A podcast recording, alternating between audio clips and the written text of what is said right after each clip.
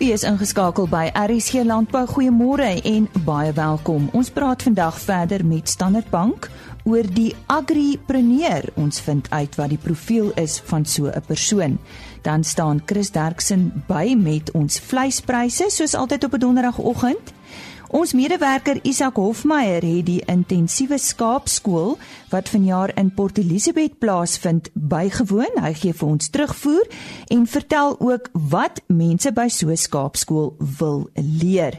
En Omri van Sail van Agri SA het die World Farmers Organisation se algemene jaarvergadering in Rusland bygewoon en ons gesels met hom daaroor. Ek het Dinsdagoggend met Kinelwe Nailana, senior bestuurder landbou insigte en bemarking van Standard Bank gesels oor die jeug en landbou. Nou ons het gesels oor 'n agripreneur. Vanoggend verduidelik sy vir ons uh, wat is die profiel van 'n agripreneur? Uh, you know, an agripreneur is basically your entrepreneur in an agricultural space.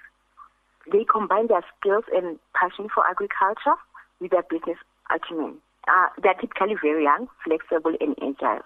They're able to identify opportunities in agriculture along the value chain and they can run with them. Wat bring hierdie agripreneurs na die tafel toe en uh, veral wat tot voordeel is vir 'n landbou-ekonomie in Suid-Afrika en natuurlik in Suidelike Afrika? You know what, um they're actually an exciting uh, new breed of of business people because they're quite very disruptive and they're technically advanced. But most importantly, they create employment opportunities because they are able to start small businesses in urban areas where you find there's a lot of um, saturation and high employment rates. So they get to absorb that employment, and it's quite important. And I think it's a market that should be nurtured. Nou hierdie nuwelinge het 'n nuwe benadering, maar natuurlik gepaard met vele uitdagings. Wat is hierdie uitdagings? You know what, it's definitely a new approach and it's mostly uh, misunderstood even from our side. And uh, what I've actually experienced is that most of them are self-financed as they struggle to access um, your, your traditional funding because their, their business models are quite um, unconventional. It's something that we do not understand. They, they, they do struggle to, to access that. But then what is more important, more than them sitting on the other side of the fence with their challenges, is about how do we really make sure that they then they are part of the mainstream of economy. How do we change our thinking and make sure that we tailor make our solutions to suit them? Wat dink julle is die geleenthede vir hierdie jeug? What what is actually great about the industry is that we have uh, it's an organized structure. We have a commodity groups, we have industry bodies. So what opportunities that are there is that no, there is networking where you can actually easily access mentorship. So I would really advise them to, to plug themselves in the networks. Whatever industry that you're operating in, identify the industry bodies there, make sure that you are part of them, become a member there because then you can access information actually, you can share ideas and even experience and even you can even get access to necessary mentorship. Kom ons gesels oor julle aandeel. Uh watter geleenthede bied Standard Bank vir die jeug? Spesifiek um, in terme van landbou en die bankwese? Uh, Standard Bank is involved from education level and they've been doing it for, for many years. Since 1981, we've been publishing finance and farm management book. Uh, we are on our sixth edition now, which we've, launched, we've launched in 2017. The book is used by major South African universities that offer agricultural management and also agricultural economics. And it is also a useful guide to managing your farm business for somebody who's already uh, in agricultural business. Then, uh, furthermore, on top of that, we also have a graduate development program which helps to build future leaders and specialists. And it is very beneficial because what you find that when the graduates leave the university, they don't have that required experience that the industry wants. So they get that opportunity through Standard Bank to gain experience and the valuable skills. Goed, nou ons het nou heelwat jong mense wat luister. Waar kan die jeug begin as dit kom by hulle eie landbou besighede? Hoe kan julle hulle bystaan uh in terme van onderhandelings oor lenings en befondsing? Um I would say the first most important thing, you must have a viable business plan. Remember, your business plan is going to illustrate that um, you understand the industry that you want to enter and uh, you've identified an opportunity. There's a gap in that market, and you know your competitors, um, and you know what is your competitive edge. And on top of that, you also know uh, what are the technical skills that are required, and you have that. And and having mentioned that, uh, remember earlier in our conversation, uh, I did touch on how these new entrants they struggle with accessing funding because of uh, they don't have adequate collateral or equity. Then at Standard Bank, we have an enterprise development department which helps addresses that. So what we do, we partner with um, commodity bodies or industry bodies where you find that through them, we can come on board and offer funding. But obviously, it's not funding uh, as business as usual. We do it differently, and unconventional. And on top of that, we do offer development where we, we, we, we give some technical support, on whatever industry that you're operating in and we also help you access the market.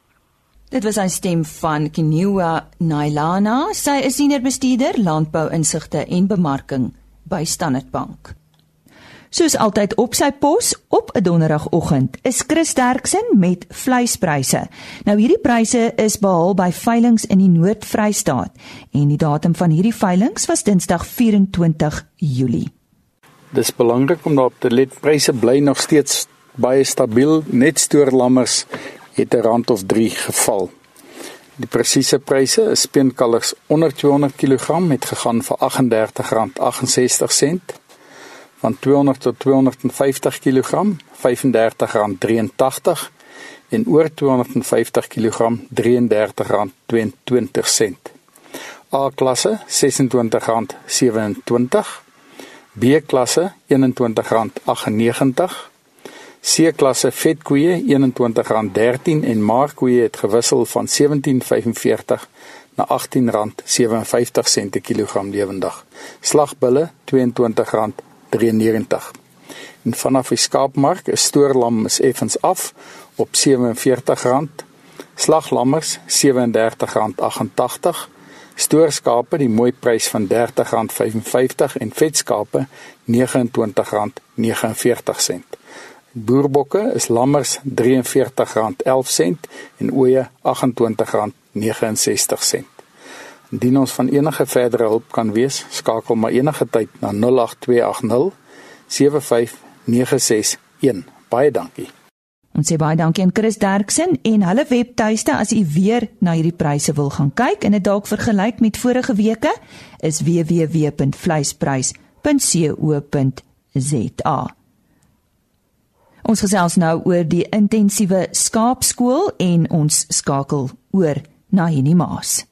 Ons praat nou met Isak uh, Hofmeyer en uh, ons gesels met hom uh waar hy die intensiewe skaapskool in Port Elizabeth uh, bygewoon het. Isak, uh, dit is nou die eerste keer dat jy uh weg van die Vrystaat is met die met die skaapskool. Hoe het dit gegaan? Ja, en dit het uitstekend gegaan na my beskeie mening. En ek wil jy dan regmaak is dan die tweede keer. Ons was in in uh, Pietermaritzburg so uh, rukkie terug saam met die Royal Scout het ons die skaapskool in, in Port Elizabeth in, in Pietermaritzburg aan gebied in Natal. En nou is ons in um, die uh, die Ooskaap ook gewees in in Port Elizabeth. En dit is nogal uh, eintlik 'n 'n vriende ervaring vir ons ouens wat wat soos jy sê maar nie in die Vrystaat begin het deurdat hierdie ouens hier in die Ooskaap hulle weet ons van kleinvee. So om hier aan te kom en en 'n groep boere hier bymekaar te kry dat eintlik ou hande is in die bedryf. Dit dit is dit is uh, dit is nog hulle wat is die woord wat ek nou soek? Ehm um, uh, uh, dit maak mense nederig. Ja, en en hoe voel hulle oor die konsep? Jong, dit terugvoer wat ek gekry het is dat die ouens baie beïndruk is. Uh dis baie duidelik dat daar 'n groot behoefte is aan inligting om sekere spesifieke probleme wat die ouens ervaar om om om dit die hoof te bied. En die grootste probleem in hierdie omgewing is maar die predatore. Ehm um, die ouens verloor geweldig baie lammers. En ehm um, dit is dis nie te moeilik om dan te dink dat jy nou jou jou jou oeye wat lam moet moet nader bring huis toe en hulle daar moet akkommodeer nie. Maar dit is nie so maklik om hulle korrek te bestuur nie. Dit is 'n intensiewe intensiewe omgewing te bestuur nie. So daai deel het ons ervaar as ons baie honger inligting. Ja, ek wou vra die bestuursaspek van die intensiewe uh, skaap uh, programme uh, skrik dit mense nie af nie dat dit so intensief is. Ja, aanvanklik sou ek sê is is die ouens bietjie skrikkerig want intensief as jy in jou wese 'n ekstensiewe boer is, is die hele konsep van intensief uh is waarskynlik so bietjie um, as dit jy dit kyk jy af maar uh, die ouens besef dat hulle nie keuses het nie. Die ouens besef dat daar drasties iets gedoen moet word. Ek het net op die idee dat hier dis ouens wat wat 'n uh, lang persentasie van ver oor die 100% het, maar dan kom hulle by 'n spin persentasie dit dan hulle dit jy meer as by 70%. So so die ouens weet dat daar hulle is in die moeilikheid en, en dis hoekom hulle regtig hulle gemoed is oop vir vir hierdie nuwe konsep. En en hoe was die opkoms oor die algemeen?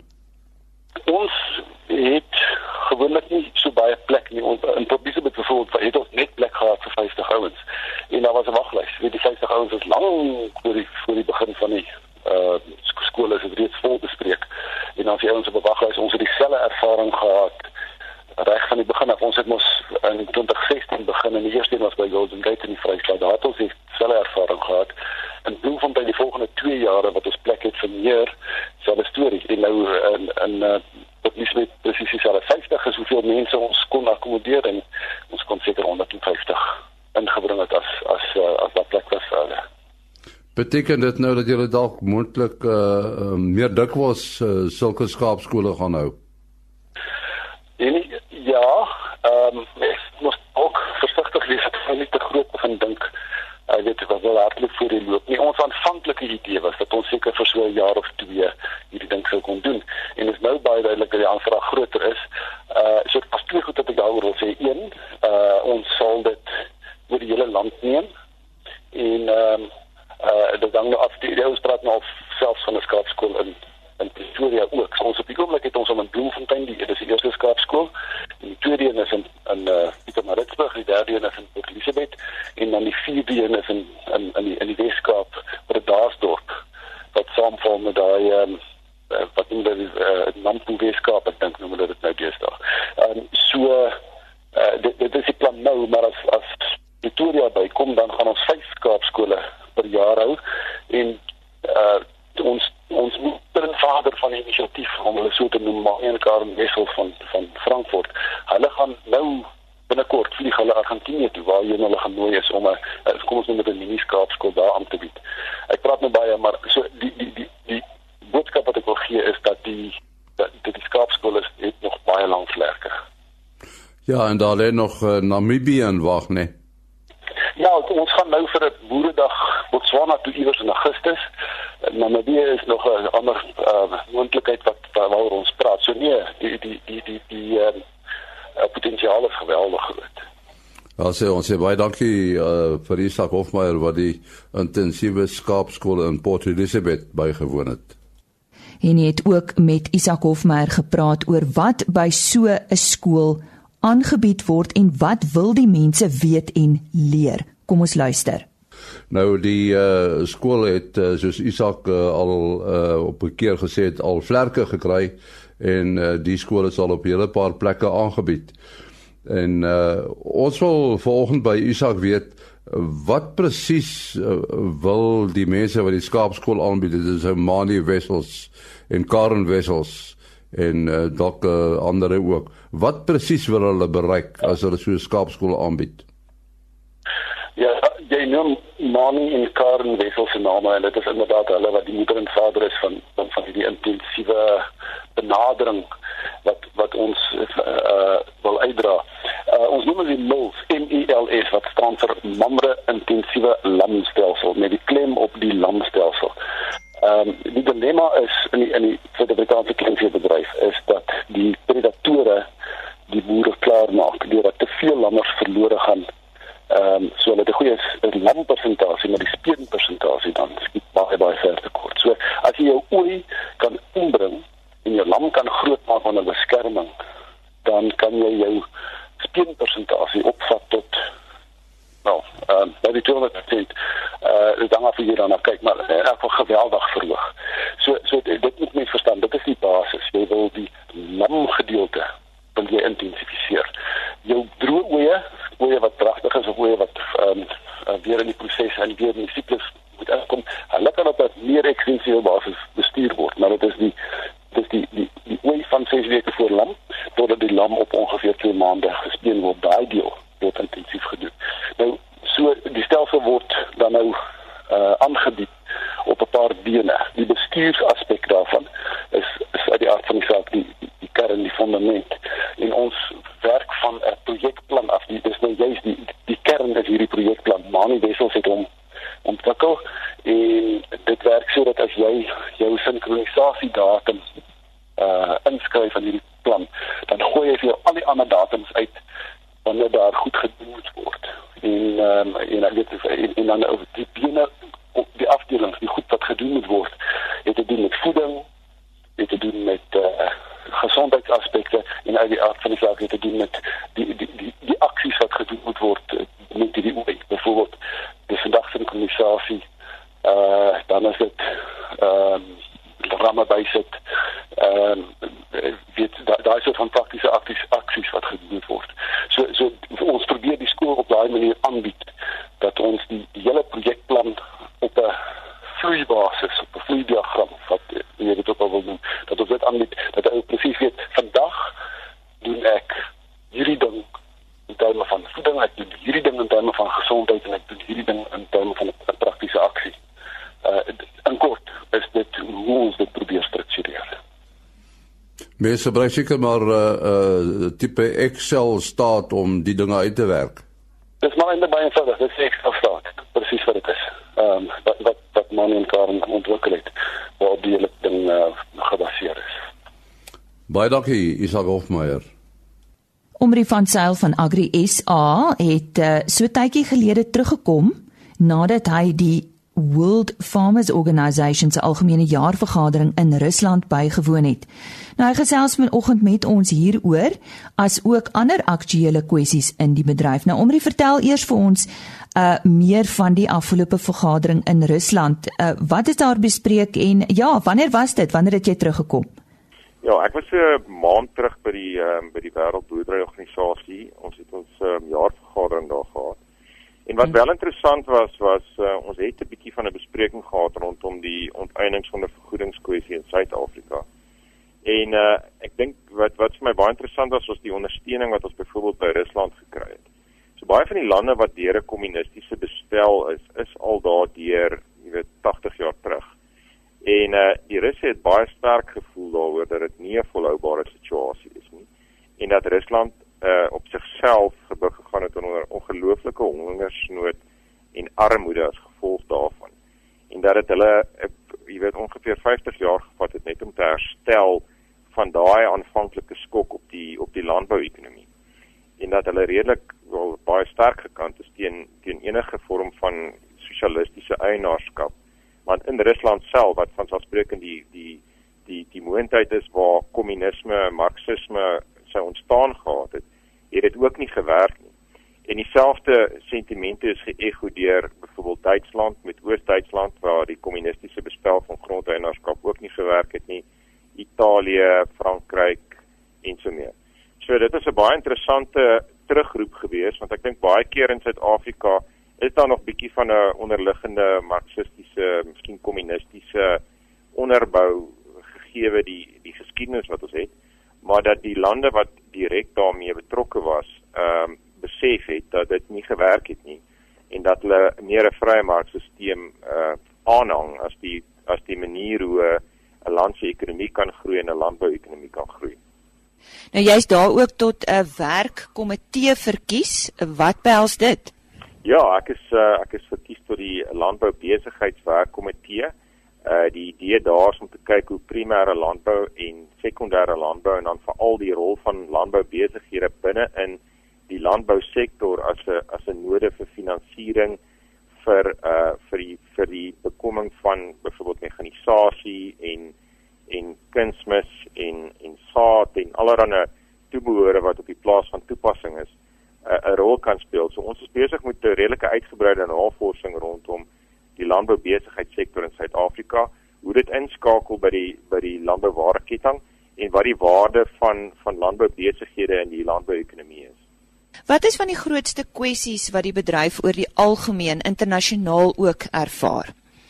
Ek dink jy weet dit hang af met wie jy praat. As jy as jy praat met die ontwikkelende lande, dan is daar kwessies soos toegang tot finansiering, uh toegang tot ehm um, met ordentlike uh dienste. Ehm um, as jy praat met die ontwikkelde wêreld, dan is goed soos ehm um, koolstofbelasting, uh gebrek aan aan aan toegang tot ehm um, tot vrugbare landbougrond ehm um, en handelskwessies uh van die grootste drywers. Maar ek dink een van die goed wat uitgekom het daaroor die algemeen is is industriebeskerming en internasionale handel en mededinging. Dit is van verspreekend die jy weet groot 'n groot uh iets waaroor baie lande met mekaar meeding. Ehm um, en dan basies toegang tot internasionale markte ehm um, en die groei van van voedselsekerheid en dan weet byvoorbeeld vir die Europese is organiese produksie ongelooflik belangrik. Ehm um, so so so dit hang maar af met wie jy praat, maar ek dink daar was vir my die van die grootste kwessies wat aangeraak is. En en wat is die belangrikste verandering wat jy vir landbou in die vooruitsig stel?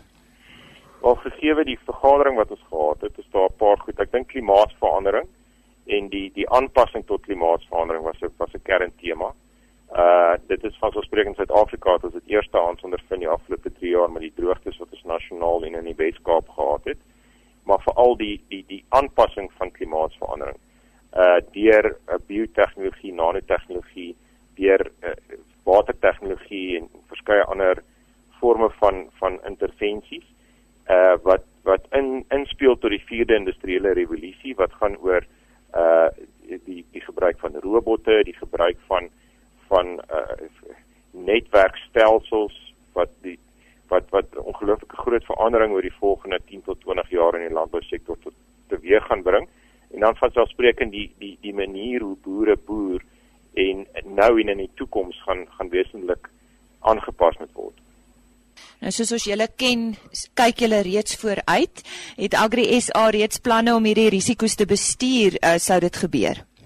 Ons het ehm um, een van die goed wat ons gedoen het in in Agri SA, ons het 'n risikobestuurs uh, tafel wat wat wat ons van stapel gestuur het saam met Senwes. Uh dit val direk onder my en daar kyk ons spesifiek na die internasionale handelsrisiko's op 'n internasionale vlak. Ons kyk na uh siektes, uh peste en pla uh waar ons biologiese grense besig is om om om onder redelike spanning te kom.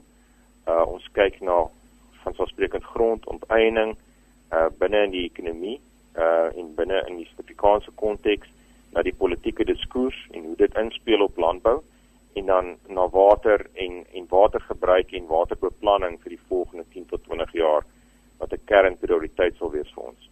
Uh, is daar risiko's wat jy nie verwag het nie? Uh uit ons uit ons uit ons verslag het was daar 'n paar risiko's wat wat ons van bewus was maar ons nie gedink het dit so groot impak nie. Ehm um, volknuus byvoorbeeld uh binne in in in die landbousektor en binne in die die SA ekonomie en binne die die, die algemene bevolking is 'n wesenlike risiko. Mense sou dit nie 10 jaar terug beskou as 'n as 'n risiko nie, maar vandag is dit want sosiale media, ehm um, media kanale soos WhatsApp, ehm um, Telegram en so voort het het, het eintlik 'n redelike groot invloed op die die algemene publieke sentiment en diskurs. En baie van die fopnuus draers binne in hierdie netwerke veroorsaak 'n uh, like 'n uh, onder 'n uh, onderlinge diskurs wat jy nie noodwendig sou voorsien. Ehm um, en dit is iets wat ons wat ons gaan wat ons dit met tegnologie te bowe gaan kom binne in die Agri SA strukture uh waar ons 'n uh, geverifieerde nuus uh, bron sal wees uh wat ons deur tegnologie sal versprei na ander lede toe sodat lede weet wat die ware toedrag van sake is in in die landbou-ekonomie en die landbou self en dan ook in die groter Suid-Afrikaanse konteks. Maar ehm um, omre wat van Afrika? Ons weet daar's op hierdie stadium groot risiko's en dit word nie baie goed bestuur nie. Kan Suid-Afrika enigstens hierby betrokke raak? Ja, dit is interessant. Ek weet Afrika verteenwoordig die die grootste enkele landbouproduksie geleentheid in die wêreld. Maar die die, die risiko's gepaard gaan daarmee is net so hoog of hoër. So die die tendens wat ons gesien het binne die landboubesighede is meeste van die landboubesighede wat in Afrika werksaam was, onttrek uit Afrika uit. Uh daar's een landboubesigheid wat redelik aggressief in Afrika nog besigheid doen. Maar meeste van die risiko's in die Afrika konteks oorskadu die geleentheid die geleentheid om om winsgewend te werk te gaan. Jy gaan ook 'n baie lang langer venster uh, vir vir winsgewendheid in Afrika moet hê as as wat daar byvoorbeeld is in in in Suid-Afrika. Ehm um, ek dink in die toekoms gaan ons 'n kernrol speel in die ontwikkeling van Suider-Afrika. Uh die die interne politieke ehm um, infrastruktuur en ander uitdagings, finansiering ensovoorts in Afrika bly uiters problematies. Ehm um, en en daar's baie min lande in Afrika wat wat wat wat hulle self daar uit kon kry. En lande soos Mauritius kon dit reg kry, Rwanda tot 'n mate. Uh maar Sub-Sahara Afrika bly voedsel onseker behalwe vir Suid-Afrika. En die ander groot spel wat ons sien is ons baie van ons ehm um, van ons groothandelswinkels het in Afrika opbeweeg. So ons kyk na Shoprite Checkers en Spar en baie van ons landbouprodukte deur daai ketting voer ons uit na verskeie Afrika lande toe met met redelike groot mate van sukses. So die die geleentheid is ook daar om om verdere markontwikkeling te doen in Afrika en en om te kyk hoe ons ons landbouprodukte verder in die kontinent kan indruk. Ek wil graag terugkom by uh, grondhervorming. Nou Agri SA het onlangs tydens 'n werkswinkel in Johannesburg sy oplossing vir die stadige pas hiervan voorgelê. Gesels 'n bietjie met ons daaroor? Ja, ek ek bedoel ons het 'n redelike holistiese benadering waar ons gaan kyk het na wat werk en wat werk nie. As jy as jy kyk na wat regtig werk, kommersiële landbou in Suid-Afrika is baie gevorderd. Uh ons finansiële sektor is baie gevorderd. Ons navorsing en ontwikkeling is baie gevorderd. Ehm um, ons het ons het ontsettende goeie boere. Ehm um, en ons het baie goeie finansierings- en versekeringsstelsels hier wat byvoorbeeld nie in Afrika daar is nie. Uh die die die die die die gedeeltes wat nie so goed vaar nie is die departementele ondersteuning. Ehm um, en dan ook van die van die ondersteunende stelsels binne die departement soos byvoorbeeld met navorsing en ontwikkeling wat uh onderste poort tegniese dienste wat regtig onder ontsettende druk gepaard gebuk gaan. Uh en wat ons gesê het is is daar's 'n paar elemente aan. Ek dink uh, transformasie en en en grond uh, uh grondontwikkeling en en volhoubare ehm um, uh grondhervorming kan kan baie vinniger en beter plaasvind in die privaat sektor en een van die van die van die kernelemente wat dit kan kan bevorder is die die opstel van 'n ontwikkelingsfonds. Ehm um, en ons wil dit baie graag van stapel stuur. Ons het nou al verskeie gesprekke gehad met private sektor instansies en uh en ons sien dit as 'n as 'n kern as een van die engines wat wat grondtransformasie kan bevorder op 'n op 'n volhoubare manier deur vennootskappe en en maatskappye wat inkoop daar en en boere en hulle plaaswerkers en wat ook al die geval mag wees want ons glo dat as die insentief sterk genoeg is, gaan die private sektor dit self baie vinniger kan doen as wat die regering dit kan doen. Uh so dis een van die belangrike goeders oplossings wat ons op die tafel sit. Ons het ook binne ons bedrywe jaarliks help ons ongeveer 108000 opkomende boere met finansiële bystand, met dienste, met opleiding, met moniteringstelsels en so meer. So ons het ons het regtig binne die organisasie self het ons ongelooflik baie eh, boere wat ons kan bevorder deur die voorsiening van ordentlike finansierings, ontwikkelingsfinansierings en uh uh oplossings. Ons het nie 'n ontwikkelingsfinansieringsinstelling in Suid-Afrika nie. In die ou dae was dit die Landboukredietdraad en die Landbank wat wat tot 'n groot mate gesubsidieer was deur die regering. Vandag het ons nie so iets nie. Die Landbank word gefinansier deur die open mark en dit is regtig iets wat ons sien en en wat wat Agri SA sien as 'n as een van die belangrike spulpunte waarom waarom grondtransformasie kan ontwikkel. Dit was aan die woorde van Omri van Sail van Agri SA.